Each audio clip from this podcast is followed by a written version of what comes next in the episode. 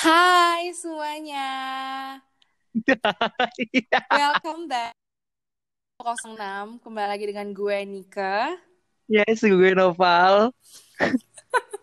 eh, by the way banget ya. Kalau misalkan kalian dengerin ini dari episode 1 sampai sekarang episode 4, kalau suaranya tuh agak kresek-kresek atau kayak lo setiap mendengarkan setiap episode kok kayak beda ya kualitasnya. Iya, karena kita mengandalkan sinyal nih, maaf banget. Kita mengandalkan sinyal dengan peralatan yang sangat minim. Iya, ya gitu loh. Udah maklum aja. Iya, iya, masalah. maaf ya. Jadi kita lagi lagi mencoba untuk uh, berkembang, tapi nampaknya ini agak berkembangnya agak slow gitu ya. Jadi kayak mohon dimaklumi, mohon banget gitu. Ya, anyway, Oke. gue hari ini kita gue lagi hari ini kita berdua ini nggak nggak kedatangan narasumber atau nggak kedatangan teman kita atau penghuni 206 yang lainnya karena uh, sepertinya kita berdua mau ngobrol-ngobrol aja ngebahas tentang em kit- ya ngebahas tentang cerita-cerita kita lah ya cerita tentang Nika Iya. cerita tentang gue gitu ya dan oh ya berhubung tadi gue bahas sinyal yang mungkin yang belum tahu adalah gue dan Nika ini posisinya di beda pulau ya jadi gue di Jakarta dan Dan itu gue di jadi Medan. di Medan. Ya, jadi Iya. eh, bisa dibayangkan sejauh apa gitu walaupun orang bisa bilang eh nggak ada alasan buat bilang lo jauh gitu yang namanya podcaster ya podcaster yang Iya. merekam yang ini kembali lagi salah kita. Dengarannya kurang. Jadi ya anyway eh, selamat menikmati aja kalau kalian sebagai eh, pe- pendengar setia dari Ruang 206 ya. Eh tapi Oke. by the way ya Pal, gue mau gue tuh kayak mau kasih tahu kan sebenarnya kita juga eh, podcast sambil cerita ya. Jadi kayak gue Iya. nggak gue nggak nyangka ternyata ada kayak salah satu teman gue yang setiap Nah, ini kan kita masih baru banget ya Pal. Tapi gue nggak nyangka Betul. ternyata kayak teman gue ada yang setiap kita ngepost sesuatu dia ngechat gue. Dia bilang gini, "Eh, oke iya. hari ini gue mau kasih saran ya. Eh, oke hari ini eh, suara lo bertiga bagus. Terus eh tektokannya dapet. Jadi bener-bener yang padahal gue nggak ada minta Pal. Oh iya. Kayak setiap kita Ya ngepost gitu di Spotify, dia langsung dengar. Mungkin nggak tahu ya, mungkin langsung muncul di home-nya atau gimana. Terus dia, oke kurang ini, ini harus dipertahankan dan sebagainya. Dan Oh boleh jadi konsultan kita aja. iya Ya nggak sih? bisa, bisa, benar bisa. Oke, Untuk uh, temennya Nika, terima kasih banyak untuk kritik dan sarannya ya, yang eh, sangat eh, membuat kita tersanjung karena ada pendengar setia yang mau mendengarkan podcast ini. iya nggak nyangka. Siapa namanya sebutin dong? Eh, namanya Abang Bang Kudus. Oh Bang Kudus. Iya terima kasih ya Bang. Oke dia dia pasti denger ini dan I'm so thank you Bang Kudus. Oke. Oh, wow, thank you so much Bang. Oke, kita ngomongin uh, soal apa ya? Soal kampus kali ya, soal kehidupan Iya, kita gitu. By the way, kita juga udah nggak ketemu tuh selama kurang lebih lima bulan tadi ya. Kalau kalian mau tahu ini perjuangannya untuk bisa sampai kerekam ini lumayan uh, lumayan pelik ya, Iya, lumayan bersinyal. Tadi udah ya. kita udah take selama lima menit, tapi ternyata Tuhan berkehendak lain. Kita juga Jadi kayak dan kalau misalnya ini sih kadang ada kayak suara-suara motor, suara-suara anjing mm, menggonggong itu jangan khawatir karena itu iya emang kondisi khawatir. kita kayak gini. Karena tembok kita masih tembok, belum kedap suara ya. Jadi Masih ya udah. Kan Maaf kalau gitu. kalau orang podcaster ya mereka tuh punya mic sendiri, punya ruangan khusus. Kalau kita di mana aja bisa. Kita remahan gitu. Jadi Oke. kita kita mau dibilang newbie ya, newbie gitu. Tapi effortnya belum sejauh itu kakak Iya, gitu. Jadi ya udah iya aja. Kita perlahan sih, perlahan. Nah, ini mau dengerin keluh kesah kita kayak gini dong sampai 30 menit Oke, gimana? Oke, bahas dong tentang kehidupan gue. Kan kita mau bahas tentang culture shock nih. Oke, gimana Val? Eh, iya.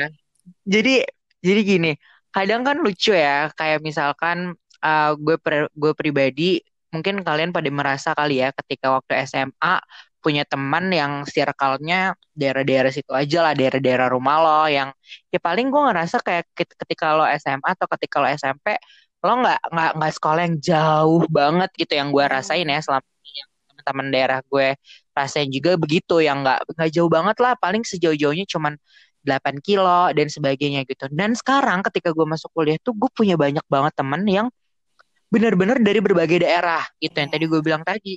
Gue sama Nika ini kita berdua ngepodcast kita berdua sahabatan kita berdua satu circle tapi yang kayak hah kok gue bisa sih punya teman orang Medan? Gitu gak sih lo? Gue juga mau. Oke oke. Ya benar sih. berteman sih sama orang Medan? Bukan bukan bukan bukan bukan yang konotasinya negatif ya kayak kok gue mau sih berteman sama anak, anak daerah? Bukan bukan kayak gitu. Tapi kok gue eh, di lingkungan kuliah tuh gue bener-bener bisa nemuin banyak banget orang-orang yang dari daerah dan ya udah kita semua bisa jadi teman gitu loh. Maksud gue iya. kayak apakah orang daerah tuh apa apakah orang yang merantau pun merasakan hal yang seperti itu yang kayak oh gila gue bisa beradaptasi dengan orang-orang daerah setempat gitu ya kan yang kayak yeah. gimana sih perasaan lo yang kayak culture shock lo tuh uh, seperti apa yang kayak mulai dari pasti perbedaannya adalah yang paling signifikan adalah perbedaan bahasa misalkan yeah. karena bahasa lo sehari-hari di sana pakai bahasa Medan pakai mm -hmm. bahasa Sumatera Utara dan sebagainya Benar. sedangkan di Jakarta yang kayak hey kasar bahasanya. Itu kan yang kayak Jakarta sendiri pun okay. nggak bisa menerima itu kan. Nah lo, sendiri gimana? Oke. Okay. ya. Uh, gue nggak tahu pendengar kita pasti berbeda-beda juga. Mungkin ada sebagian dari teman gue di Medan ada uh, dari Jakarta juga. Nah sebenarnya tuh gue sama gue sama gue sama. Maksudnya mikirnya kayak wah ternyata gue bisa sahabatan juga ya sama orang Jakarta dan kayak bukan satu gitu loh. Dan ternyata uh, ya gue baru sadar kalau misalnya gue nggak keluar dari comfort zone gue gue nggak bakalan nggak bakalan ngerti yang namanya Indonesia satu dan Indonesia yang berbeda gitu. Nah tapi once lo bilang tadi kayak orang Jakarta kasar sebaliknya pal bukannya bukannya bukannya orang itu mikir kalau orang Medan ya yang bahasanya kasar. Makanya gue kadang oh, iya, iya. iya kan jadi tuh gue sebenarnya stigma orang pertama pas gue ke Jakarta itu kayak oke okay, orang Medan ngomongnya pasti kayak kan mereka uh, kan kita kencang, kencang gitu ya. terus kayak padahal kita nanya kabar doang tapi uh, pakai kau gitu kayak uh, misalnya yeah, misalnya kayak yeah. kamu mau ke mana padahal kan sebenarnya kayak lo mau ke mana sih nah itu kayak yeah. kita kesannya kayak ngegas tuh iya yes ya yes yes kan? gue ngerti ah uh, gue ngerti gue ngerti ya kan? uh, iya betul terus nah Nah, tapi mungkin karena lo mikirnya nih, buat teman-teman gue semuanya, teman-teman Unika, uh, mungkin gue nggak yang, mungkin dari keluarga sih, Pal. Bukan, eh, bukan dari keluarga sih. Jadi mungkin kayak di Jakarta orangnya lebih, ini, kalau lingkungan di Jakarta gue syarat, maksudnya gue sering di lingkungan orang-orang yang kayak frontal. Yang kayak, hmm. ngomongnya kayak, ya kayak lo. Iya, kayak. Gue bisa gitu nah sedangkan kalau misalnya di Medan tuh kayak walaupun ngomongnya kau gitu tapi kita uh, gue tuh paling gue nggak nggak bisa ngomong kayak ngomong kotor kayak uh, bina iya iya iya ya. nah kayak gitu sih jadi perbedaannya itu doang tapi kalau kasar sebenarnya stigma daerah gue yang dibilang orang kasar kenceng gitu yeah, loh suaranya yeah. gitu. jadi sebenarnya maksudnya maksudnya kayak orang Jakarta kasar bukan orang Jakarta kasar Enggak, sih maksudnya kasar. yang yang selama ini selama ini kita tahu kan kayak stigmanya juga itu balik lagi ke stigma orang yang kayak gila ya orang Jakarta tuh mulutnya ini banget ngomong-ngomong hmm. begini aja kasar banget sih gini begitupun mungkin lo merasakan bahwa daerah lo itu juga seperti itu kayaknya orang-orang yeah. beranggapan orang-orang Medan seperti itu deh gitu mungkin yeah. ini perspektif kita yang berbeda aja sih hmm. kayak gua nggak gua nggak pernah sih berpikiran kalau orang Medan tuh kasar gitu loh dari dari segi ngomongnya dan sebagainya yang yang Amin yang gue maksud adalah kayak orang Medan paling kalau ngomong ya kencang aja kencang, gitu iya, kan. Iya, iya. Ya selama ini orang-orang di stigma orang-orang tuh seperti itu kan. Dan lo tuh ngerasa gak sih yang kayak pas ke sini tuh kayak apakah dengan bahasa yang gue bawa itu bis gue bisa diterima. Atau kayak ah gue mau ngambil gue harus menyesuaikan diri deh. Maksudnya kayak oke okay, gue harus manggil teman gue lo gue atau gue harus menghilangkan kemedanan gue supaya gue bisa akhirnya uh, berteman di sini dengan dengan berbahasa dengan apa ya dengan ngobrol dengan enak gitu. Lo lo seperti apa adaptasinya? Oke, Pal, gue suka banget pertanyaan lo karena ini emang gue pengen banget cerita. Nah, jadi pas gue ke Jakarta, itu banyak banget teman-teman gue yang bilang kayak gini. Awas ya kalau misalnya kau pakai bahasa Jakarta uh, ba, ba, apa maksudnya gini. Awas ya kalau misalnya kau sosokan bahasa Jakarta. Kita harus bangga lah sama ini bahasa Medan. Oke. Okay. Nah, Oke, okay, hmm. itu satu. Terus ada teman gue yang bilang kayak gini. Kalau aku di mana pun aku berada, di mana pun aku nanti sekolah, tetap ku bawa aja bahasa Medanku. Hmm. Oke. Okay. Oke, okay. gue kalau misalnya teman-teman gue cerita kayak gitu, gue nggak pernah menyangkal pal. Maksudnya gue nggak tahu pas gue ini sebelum gue ke Jakarta ya, gue nggak tahu gimana gue pas di sana gue gimana. Pas gue ketemu lo semua, gue nggak tahu harus gimana kan. Iya iya nah, iya pasti. Nah pas gue sampai di Jakarta, gue mikir kayak gini uh, gue udah mutusin buat ke Jakarta. Artinya, uh, kan gak semudah membalikan telapak tangan, Pal. Gue bisa mengubah bahasa gue yang kayak bisa kayak, eh kamu mau ke mana? Terus kayak bahasa yang dari, uh, contohnya nih, Pal. Kalau pasar, itu kan kalau di Medan kan pajak. Terus oh, yeah. kalau misalnya sedotan, di Medan hmm. itu pipet. Iya, iya, tahu. Nah, itu kan sebenarnya nggak mudah, Pal kadang kalau misalnya gue kan kadang ngomong ya udah ngomong kayak eh uh, mau ke mana tetap aja ada kayak intonasi gue ada kayak kosakata gue yang yeah. secara nggak langsung ya orang emang tahu lah oh dari Medan ya? Gitu kan. Mm. nah gue juga nggak pernah kayak has, gue nggak sampai yang kayak harus belajar kayak buka kamus bahasa Jakarta oh bahasa Jakarta ini ini ini enggak. Gitu loh. Dan nggak mungkin gue kayak sosokan bikin kayak e, lo gimana? Kan kadang pal lo harus tahu pal sesuatu ini kadang kadang tuh kadang ada orang yang kayak ngejek-ngejekin gue kayak mereka mereka nggak tinggal Jakarta tapi ngejekin gue kayak hmm. ngomongnya kayak diloloin tapi kayak lo nya kayak dalam gitu ngerti kayak, kayak lo oh ini teman-teman lo di Medan nah, iya. ini teman oh iya oke okay. nah oh iya nah, ngerti, ngerti ya nah kayak ngerti. gitu Nah, pas gue di Jakarta, gue pertama mikir, aduh, kalau misalnya gue sosokan pakai gue lo, takutnya nggak biasa. Jadi kayak Tuh. ah dikira ah anak Medan aja pakai sosokan pakai uh, bahasa lo gue gitu. Nah, tapi one side gue mikir, Pal. Kan de, seperti peribahasa yang kita tahu ya, di mana kaki dipijak, di situ langit dijunjung. Mm. Nah, jadi gue mikir, lah kan gue emang udah mutusin di Jakarta. Artinya, gue juga harus beradaptasi, mau nggak mau. Dan gue nggak bisa dong mendomin, maksudnya gue nggak bisa memaksakan kehendak gue atau ke keegoisan gue tentang uh, bahasa, gitu loh. Yes. Jadi lama-lama gue harus gue harus kayak adjust, gue harus menyesuaikan sama teman-teman gue gitu loh. Kayak Karena, berarti tandanya kan mm, gimana? Gimana gimana? Nah, jadi gue kayak karena gue harus menyesuaikan ya, gue mau nggak mau belajar dan lama-lama ya lingkungan kan membuat gue jadi terbiasa ngomong kayak gitu. Oh. Iya kan? Yes. Makanya itu. Tapi once gue oh, balik ke Medan, cara lo adalah mm -mm, menyesuaikan benar, cara lo. Benar. Tapi once mm -hmm. gue balik ke Medan, gue tetap bahasa Medan sama teman-teman gue. Iya, iya, iya, iya. Karena ada Arti. pal, karena ada temen gue yang dari Jakarta belum kayak 10 tahun, belum masih yang kayak baru dua semester. Balik ke Medan langsung manggil manggilnya kayak eh lo lo ke mana kayak hah lo baru tahu tahun oh itu itu tuh masih aneh ya di sana tuh kayak gitu tuh masih ya, aneh ya? aneh dong pal. Apalagi kalau misalnya orang tahu kalau lo dari Medan. Emang lo besar di Medan. Ya, ya. kayak gitu. Ya, gitu. sih. itu sih berarti kalau... berarti adalah uh, tameng lo adalah kayak oke okay, gue tetap tetap uh, tetap darah Medan gue tuh sebenarnya kental mm -hmm. gitu. Tapi gue harus tahu di manakah uh, gue berada sekarang hmm. ini gitu kan kayak oke okay, gue tetap bisa menyesuaikan diri dengan teman-teman gue yang yang kalau ngomong lo gue ya karena emang lo kuliah di Depok hmm. yang mayoritas juga orang-orang Jakarta kan sebenarnya gitu bahkan circle lo sendiri pun kayaknya nggak ada yang orang luar kan gak kayak ya udah Jakarta, Jakarta kan semua, cuman iya. lo cuman lo yang luar kota banget gitu iya, kan oke okay. nah itu aja bahas soal bahasa aja gue rasa kayak uh, udah panjang banget dan menurut gue lo kayak uh, cukup cukup apa ya complicated gitu untuk hmm. untuk menyesuaikan hal itu karena emang dari dari lahir lo di sana yeah. gitu soal gue mau nanya kalau soal teman gimana? Maksudnya gini, kayaknya for the first time, for the first time lo menginjakan kaki lo di Depok.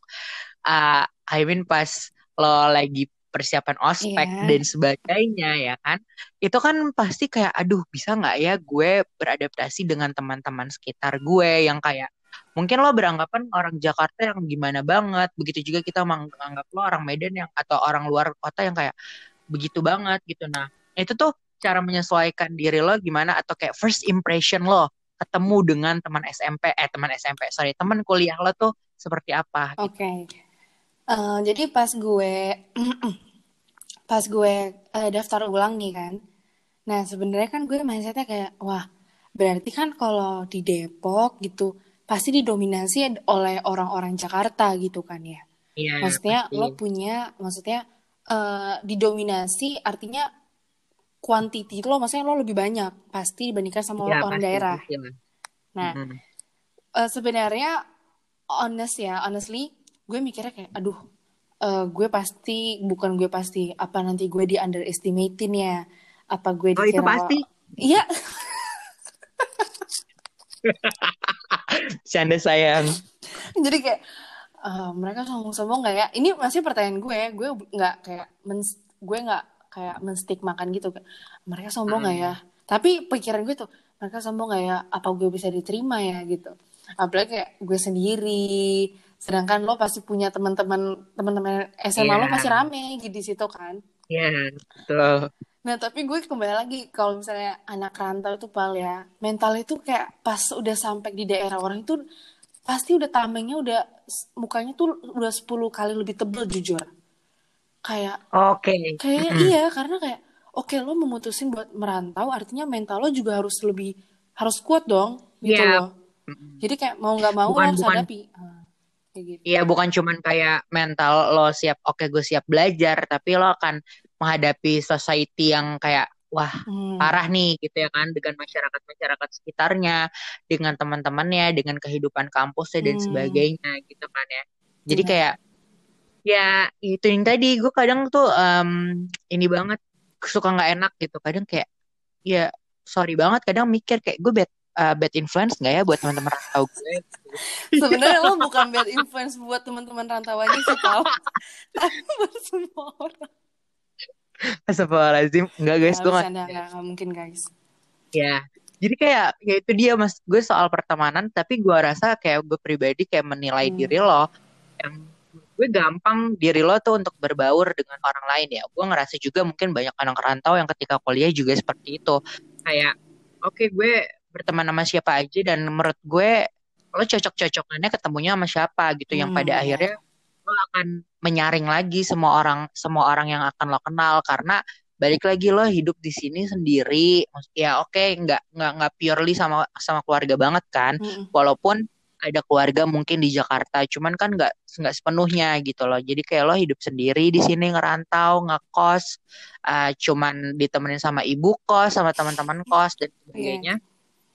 Ya jadi mau nggak mau lo harus mencoba memilah-milih teman walaupun basicnya ya tetap sama siapa aja. Cuman kan secara pertemanan itu gimana ya harus punya punya ini sendiri. Apa sih kalau bagi yang lo bilang tadi muka mukanya udah muka tembok aja kayak ya iya. ya udah nggak peduli hmm. kayak gimana ya kan? Benar. gitu sih nah gue mau nanya nih. Kan gue teman lo nih ya anak Jakarta. Mm si anak Jakarta belagu banget gak sih pokoknya kayak dari SMA Jakarta lah ya maksudnya kayak yeah. ya kalau lo bilang tadi oh, kita kampus di Depok ya secara pendaftar aja yang memang diprioritaskan adalah orang-orang yang ada di Jakarta yeah, yang yeah, ada di lingkungan yeah, yeah juga kayak USU. USU pasti kan memprioritaskan orang-orang Medan dulu. Hmm, Sumatera Utara. Ya, ya, gitu kan. Sumatera Utara juga. Nah, itu juga yang di yang di Depok ini gitu. Nah, secara itu aja udah udah menjelaskan kayak oh bakalan banyak banget anak Jakarta. Nah, gue mau nanya first impression lo ke gue sebagai anak uh, sebagai mahasiswa ketika itu kita belum temenan, notabene sebagai gue anak Jakarta gitu. Itu gimana? Nih, nih pas gue ketemu lo ya Pal gue tuh kayak gimana ya kan lo gue udah pernah cerita ya pertama kali ketemu sama lo lo itu yang oh iya jadi kayak yang kita di ketemu di ya? kosan jadi gue jadi ada kerja kelompok kan yang gue uh, sekelompok Oke. sama ini sama Winnie sama Putri ah. kerja kelompok di Hai, kosannya ya. kosannya Nopal dulu di mana pal bintang ya Bintang Nah. residen. nah di situ gue belum tahu eh di situ gue belum kenal tapi itu pertama kali gue lihat lo nah pas gue lihat lo tuh kayak eh, orang bilang oh ini eh, eh ini anak PR juga PR 18 Oh ya, oke terus oke. gue bilang halo pal gue gituin ya terus Hmm. eh, lo kayak oh iya gitu doang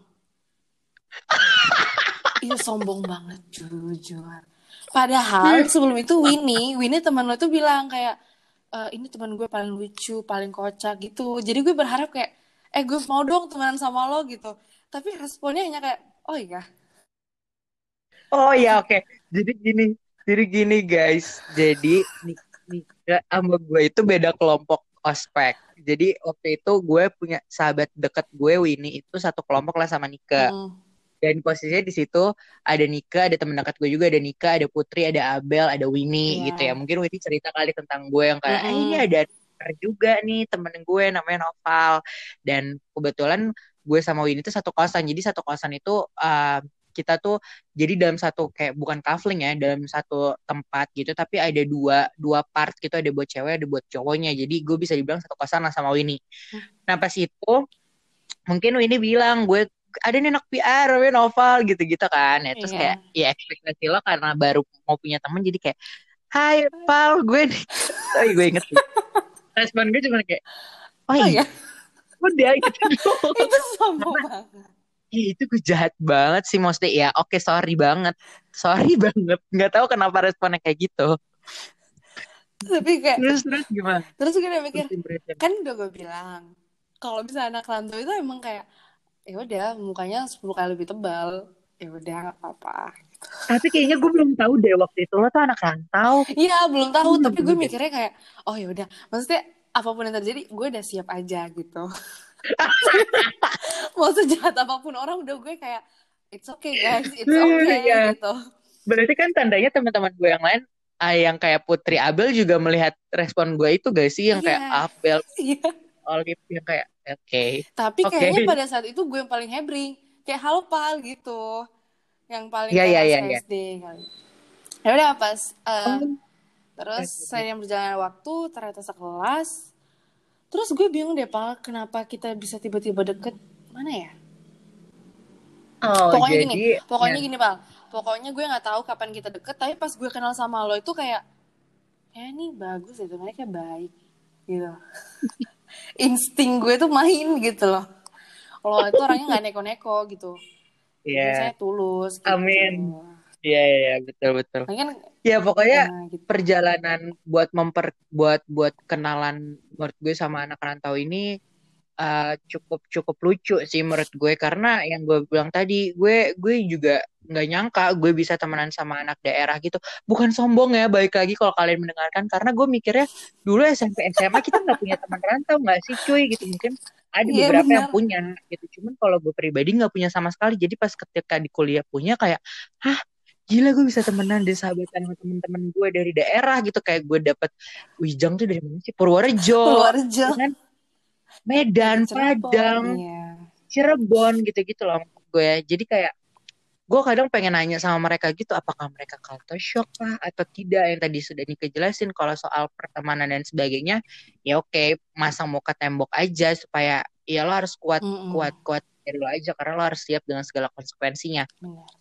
Gitu. Nah yang gue pikirin sebagai anak Jakarta adalah Iya. kayak kalau udah temenan kayak gila gue dianggap apa sih sama mereka gitu loh. Kayak- Kayak gue pernah gue, gue pernah loh once gue kadang berpikir kayak eh gue tuh jadi bad influence banget gak sih takutnya gitu loh buat buat teman-teman gue tapi I mean uh, gue ngerti juga nih kayak ano- konotasinya deh konotasinya gini Hmm. konotasinya gue bercanda dengan teman-teman gue pasti kan uh, yang seperti ini ketika gue bercanda sama anak-anak daerah gue bukan mengecilkan sekali lagi Mm-mm. pasti kan ada part-part tertentu yang berbeda kan. Iya. Nah gue tuh kadang kayak bisa nggak sih nih orang menerima gue gitu loh.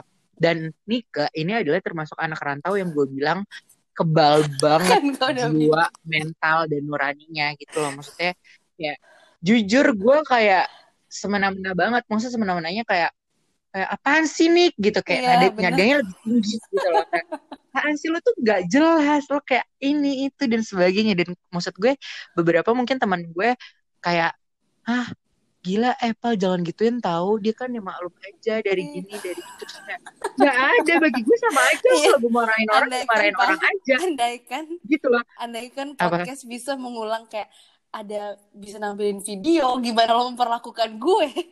iya iya bener. Iya sih, ya itu tadi yang gue bilang, gue tuh Iya. lucu-lucu punya teman-teman, terutama teman Medan. Misalkan gue punya teman lo, kedua gue punya teman namanya Jasim, ya kan? Iya, iya. itu lucu Jasim. banget. Jasim denger ya, mungkin Jasim tuh lucu banget temen lo ya gue. Namanya Jasim, dari namanya aja lucu kan. Hmm. Kayak ya udah dia juga begitu kayak for the first time dia bandel waktu itu kayak pal aku udah mulai ini dong kayak Sim are you okay kayak siapa yang ngajarin lo kayak gitu Iya, ya, paham, paham gue. Kayak itu lucu banget menurut gue kayak "Ih, gila sih gue beragam banget punya teman gitu. Nah makanya gue rasa juga tuh anak culture shock juga tapi akhirnya enjoy enjoy aja di Hmm. Jakarta ya. Jadi kayak anak gaul Jakarta tuh. Ya kayak gitu deh. Terus apa lagi sih yang ngebuat lo perbedaan lo? Kayak gimana cara pola pikir lo terhadap uh, uh, terhadap kondisi yang ada di Jakarta sama di Medan? Kayak gimana sih kayak lo bertolak belakangkah uh, budayanya atau apanya gitu sama diri lo gimana? Nah, kalau misalnya gue selain dari teman bahasa, nah yang paling gue rasain itu pasti kayak kebiasaan. Kayak ya Hmm. yang kalau bilang kebiasaan-kebiasaan kayak budaya. Sebenarnya pas gue di Jakarta ya pasti gue jauh lebih open minded. Karena gue dikelilingi, karena gue dikelilingi sama yang kalau bilang berbagai macam orang, berbagai macam latar Iya. belakang, berbagai macam karakter, sifat dan semuanya. Nah, Yes. di situ gue kayak di situ di mana eh, kan nggak orang tua gue jauh ya maksudnya ya Mm-mm. hanya bisa nelpon ya yang lainnya ya mereka hanya bisa mantau berapa persen coba dua persen dari telepon kayak gitu ya 90 persennya gue yang handle Betul. gitu loh gimana gue harus Betul. menghadapi itu gitu nah eh, sebenarnya kembali lagi prinsip sih pal jadi pas gue lihat itu misalnya kayak banyak, banyak berbagai macam experience lah gitu. Gue nangkep gue lihat gue dengar gue diceritain. Gue jadi mikir oh iya ternyata emang benar sih dunia itu kayak nggak kecil gitu loh. Maksudnya nggak kecil Iya, iya. dan lo itu nggak bisa ah, gue banyak belajar di situ gue banyak sebenarnya kuliah itu gue lebih banyak diam sih pal. Maksudnya gue nggak sebacot di Medan karena kan di Medan gue udah kayak oke gue tahu lingkungan ini gue tahu Oh iya. gue tahu lo sifatnya gimana karena orang Medan kayak kurang lebih kayak gitulah gitu nah tapi pas di Jakarta gue benar-benar kayak apa ya kayak oke ternyata orang ini kayak gini ya orang itu kayak gitu gitu nah gue tuh dan nggak bisa maksudnya gue benar-benar gue benar-benar belajar mandiri pal di Jakarta asli Iyalah, lo aja bisa tiba-tiba sebelum berangkat kampus ditelepon Nick di mana semua ada di kelas, gue lagi nyuci. iya Wow. Itu kayak bener-bener gue kayak kan aduh maksudnya gue bukan Tapi gue hal- bukan gue nggak Hal, hal kayak gitu Mm-mm. yang lucu gitu loh maksud gue kayak gila ini orang ya. Oh. Maksudnya di saat gue udah di kelas dia kayak bentar gue masih nyuci, nyuci. Ah, maksud gue kayak itu ya gue ngerti lo mandiri banget, cuman maksud gue tolong dong bisa bisa membedakan ketika lo mau kuliah kayak lo sempat sempatnya woi nyuci kayak udah tinggal 10 menit lagi masuk. Gue ngerti kosan lo dekat sama kampus, tapi itu yang kadang gue mikir kayak wah gila sih temen gue gitu loh. Kayak oh parah sih lo. aduh. Aduh gue emang sering sih kayak gitu. Hah lo sama sempatnya nyuci? Lo sama sempatnya bikin jus Iya kayak gitu. Nah itu itu sesemandiri itu kan. Mungkin kalau gue pribadi kayak makan disiapin sama Hmm, nyokap benar. kayak ini disiapin dan sebagainya gitu. Jadi kayak nggak merasakan hal itu. Jadi kadang ya gue juga harus juga harus toleransi aja kayak oh ya udahlah terserah dia mau gimana dulu gitu. Yang penting begini dan begitu gitu. Hmm. Tapi yang satu hal bisa diambil dari lo sebagai menurut gue sebagai anak rantau adalah pertama kali gue di deket sama Nika satu circle sama Nika. Jadi kayak gue tahu banget apa aja yang dilakukan sama Nika. Pertama kali tuh gue tahu dan gue ngerasa keganggu banget karena dia tuh banyak banget mengikuti kegiatan ya kan? Lo tuh Aduh, banyak iya. banget ngikutin kegiatan. Ya walaupun kadang kayak um, memang itu kewajiban gitu. Kayak misalkan mm-hmm. memimpin ibadah dan sebagainya gitu loh. Terus um, gue rasa nih anak banyak banget kegiatannya loh. Sampai kayak gue ngerasa kurang banget waktu buat senang kayak jangan lupa woi buat nyenengin yeah, diri sendiri yeah, yeah. gitu jangan jangan lupa buat nge-spare waktu dan sebagainya dan kayak pada akhirnya gue berpikir bahwa oh iya dia ngerantau ya kayak kalau udah sampai kosan bingung mau ngapain iya, gitu loh kayak benar. harus ngapain gitu jadi kayak uh, value yang bisa diambil adalah ketika lo jadi anak rantau menurut gue jangan pasrah sama keadaan gitu loh. Jadi kayak bener lo harus explore diri lo lo harus tahu lo ke mana. Kayak Nike punya perkumpulan yang seiman sama hmm. Nike akhirnya dia bisa mimpin ibadah. Nike punya uh, bakat jadi uh, main piano dan jadi jadi bisa ngiringin teman-temannya, jadi bisa tergabung dalam perlombaan dan sebagainya. Terus nih keikut ini, ikut itu, ikut organisasi dan kepanitiaan lainnya menurut gue ya itulah uh, gimana cara kita jadi anak rantau tuh bisa memanfaatkan hal itu. Jujur dulu gue ngerasa kayak gila ya nih cewek semuanya diikutin kayak tiba-tiba kita lagi pergi ke ya sorry ke Margo yeah, City ya, yeah. jadi telepon hafal nggak ada yang mimpin kayak woi masih banyak orang gitu loh. Lo mimpin sampai jam berapa? Sampai malam banget gitu kayak gila ya nih kayak lo kayak nggak ada waktu buat gini-gini. Akhirnya kita malah jadi marah sama Nika dulu mungkin kita berpikirnya kayak nih orang kayak nggak punya waktu buat dirinya dia sendiri kayak mau aja ini itu iya dia dan sebagainya. Tapi setelah gue pikir-pikir iya sih memang karena karena dia merantau karena dia jauh dari orang tua dan sebagainya menurut gue cara dia um, membuat dia happy adalah menyibukkan diri ya gitu mungkin berbeda-beda sih kan. tapi kayak menurut gue ketika lo jadi anak rantau ya lo harus punya value yeah. menurut gue karena lo hidup di kota orang gitu. Bener. gitu ngerti gak sih kalau lo nggak punya suatu hal yang bisa let's say nggak bisa lo jual itu bener atau banget. bisa nggak bisa lo lo lo apa ya lo kasih ke orang lain menurut gue kayak sia-sia banget nggak sia-sia sih maksudnya berarti lu cuma belajar doang di sini tapi nggak nggak nggak bisa menyerap semuanya itu gitu loh. Nggak bisa manfaatin gue, uh, dan gue selama ini alhamdulillah punya teman-teman di kelas yang memang notabene mereka merantau. Mereka tuh aktif-aktif banget di paguyubannya mereka. Ada yang jadi ketua uh, apa UKM dan hmm. sebagainya. Nah menurut gue tuh appreciate banget buat mereka yang akhirnya tinggal sendiri tinggal di kosan gitu. Benar sih, Pak. Keren sih dan ya kan? dan gue senangnya gini sih pal gue, gue senangnya kayak gini. Walaupun gue banyak kegiatan misalnya gini walaupun gue banyak kegiatan dan kayak oh, semuanya gue ikutin gak semua sih sebenarnya. Maksudnya padat gitu jadwalnya. Tapi kayak gue senangnya oh kayak oke okay, kayak puji Tuhan nilai gue IP gue bagus gitu kan. Yeah. nah tapi di sebelah itu yang membuat gue lebih senangnya lagi adalah pada saat ternyata teman-teman Jakarta gue membuat gue jadi feels like home itu Jakarta gitu. Jadi gue nggak merasa oh, beban. Ya, mungkin mungkin lo dulu menganggapnya anak Jakarta tuh nggak belajar banget mm, gitu. Enggak, enggak. Malah gue mikirnya lo orang Jakarta itu emang lebih giat dan lebih kompetitif, mm -mm, kompetitif. Lebih kompetitif, makanya gue kayak gitu. Nah, maksud gue tuh kan ada orang yang kayak emang segila-gila itu ambisius supaya mencapai semuanya gitu yang tanpa having fun. Maksudnya having fun orang yeah. yang berbeda-beda. Tetapi pada so. saat gue melakukan itu gue have fun banget gitu loh. Apalagi ditambah kayak teman-teman gue setiap gue ke kelas bukan hanya gue dengar selotehan misalnya denger, bukan hanya dengar selotehan dosen tapi teman-teman gue bikin gue jadi kayak enjoy. Bahkan kayak yes, abang gue pernah mikir kayak gini hah? Jakarta feels like home gitu kayak tanda tanya terus gue bilang iya. Gue bilang kayak gitu. Bang Jos. buat Bang Yosef dia pernah bilang kayak home kayak really home gitu. Terus gue bilang ya iya emang iya gitu. Jadi bukan karena kan gue setiap misalnya melakukan kegiatan gue post ke family group gue hmm. terus kayak keluarga uh -uh, ya. nyokap gue tuh seneng. Artinya gue bukan hanya kayak kegiatan itu tapi emang teman-teman gue selain suportif mereka juga banyak aktifnya. Tapi ya emang seru. Jadi nggak kaku ngerti nggak pal? Ngerti ngerti.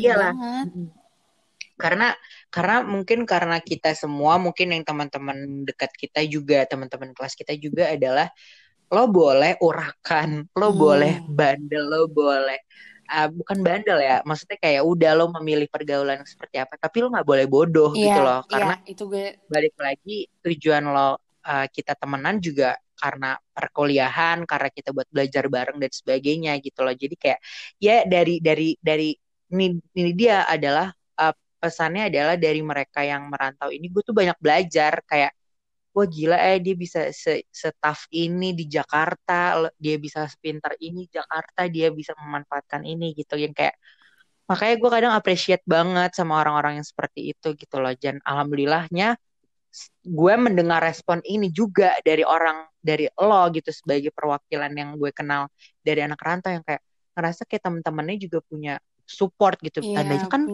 nggak anak jadi manusia. Mm, benar. ya gitu lah pokoknya.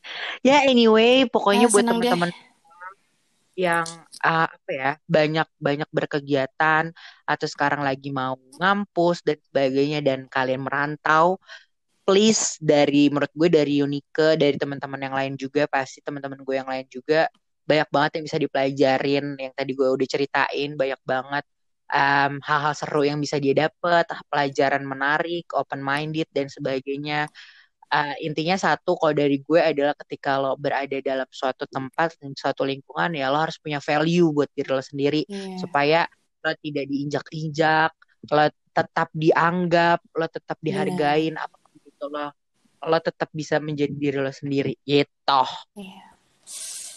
Dan gue juga mau pes- berpesan sih, Pal, buat anak rantau, di mana kita berada, sebisa mungkin bikin daerah itu adalah feels like home. Jadi bukan, Yes. jadi bukan di ajang lo mencari kebebasan. oh ya Ngerti ada yang ya, sama ya. Nah, jadi itu bukan eh, pas lo ngerantau, lo itu bukan mencari sebuah kebebasan, lo lepas dari kekangan orang tua. Tapi di situ harus lo lo harus bikin lo punya value yang eh, lo maksimalin potensi lo dan lo harus dikelilingi oleh orang-orang yang juga kompetitif dan positif. Yes gitu loh. positif. Dan have fun have fun sama teman-teman yang positif. Maksudnya have fun itu konotasinya kan berbeda-beda. Tapi kalau misalnya Hmm. positif positif and fun itu jarang gitu loh. Dan gue temuin gitu loh di teman-teman gue. Kayak lo and and guys guys yang Oh, oh my god ini kayak Melo tiba-tiba.